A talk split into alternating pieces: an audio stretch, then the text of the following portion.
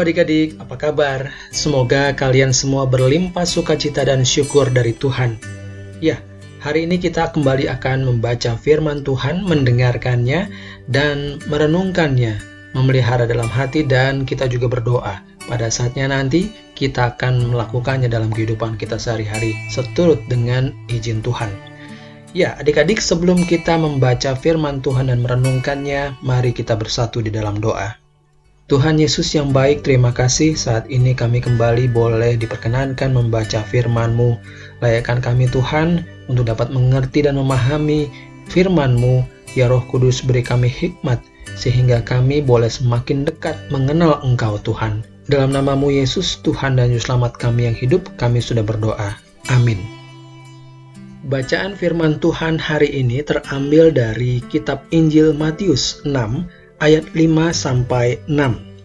Matius 6 ayat 5 sampai 6. Saya akan membacakan bagian Alkitab ini dari Alkitab Terjemahan Baru edisi kedua.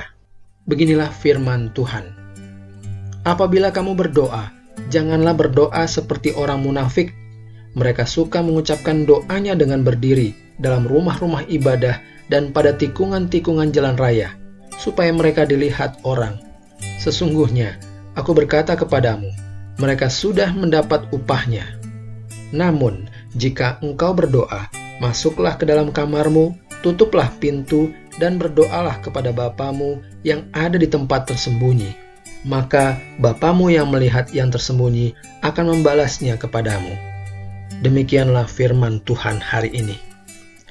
Adik-adik, judul renungan kita hari ini adalah hal berdoa dengan fokus firman dari ayat 6 dari Matius 6 yang tadi kita baca. Namun jika engkau berdoa, masuklah ke dalam kamarmu, tutuplah pintu dan berdoalah kepada Bapamu yang ada di tempat tersembunyi. Maka Bapamu yang melihat yang tersembunyi akan membalasnya kepadamu. Adik-adik, Tuhan Yesus mengajarkan banyak sekali hal-hal baik kepada kita kalau adik-adik membaca dari kejadian sampai wahyu, perjanjian lama dan perjanjian baru, adik-adik akan mengetahui betapa luas, betapa tinggi, betapa dalam kasih Tuhan pada kita. Hal-hal baik yang Tuhan bagikan pada kita. Ya, Tuhan mengajarkan bagaimana cara memberi sedekah misalnya. Bagaimana cara berpuasa. Bagaimana cara mengumpulkan harta yang baik dan berkenan padanya dan masih banyak yang lain yang adik-adik temukan dalam Alkitab, termasuk bagaimana cara berdoa yang baik dan yang benar. Doa bukan hanya soal bagian dari beribadah, namun juga merupakan percakapan kita dengan Tuhan.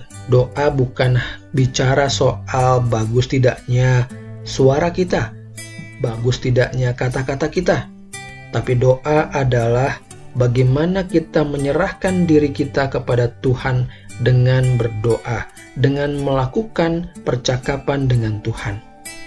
Doa membuat kita terhubung dengan Tuhan dan menjadikan kita makin dekat dengan Tuhan. Coba bayangkan adik-adik kalau adik-adik di rumah tidak pernah bicara dengan papa, dengan mama, apa yang adik-adik rasakan, apa yang papa mama rasakan, Mungkin dalam pikiran mereka, loh ini kok anak saya tidak pernah bicara dengan saya? Akan ada kebingungan adik-adik, dan tentunya hal itu tidak baik bukan? Nah itu dia, seperti ayah dan ibu, mama dan papa kita di rumah yang rindu sekali mendengarkan suara kita berbicara bercakap-cakap dengan mereka, Tuhan Yesus pun demikian. Setiap hari Tuhan rindu untuk mendengar suara anak-anaknya suara adik-adik, dan suara saya. Tuhan rindu juga untuk menyampaikan isi hatinya, menyampaikan firman-Nya melalui Alkitab, firman Tuhan yang tercetak adik-adik.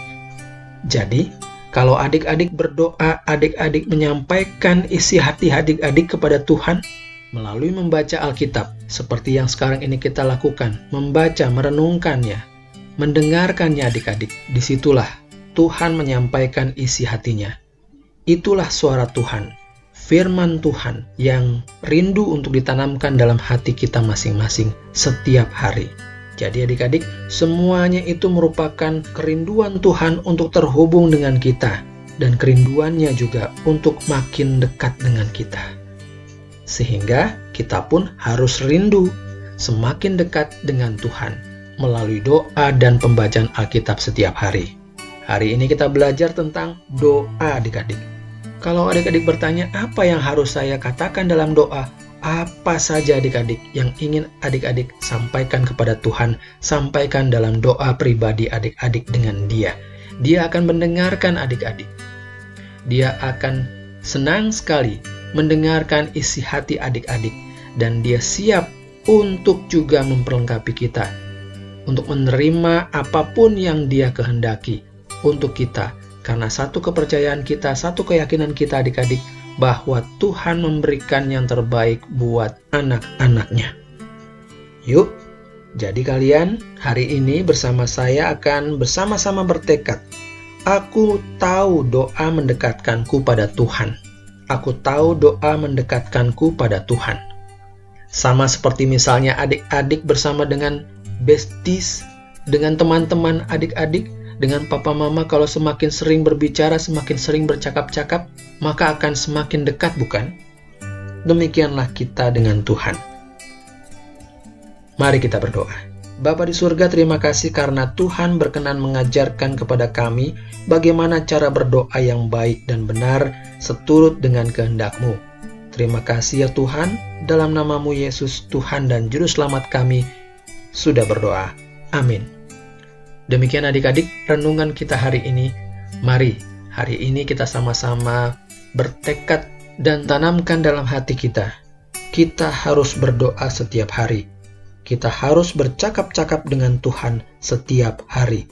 Mengapa? Karena doa itu penting, karena doa semakin mendekatkan kita kepada Tuhan. Sampai besok adik-adik, Tuhan Yesus memberkati.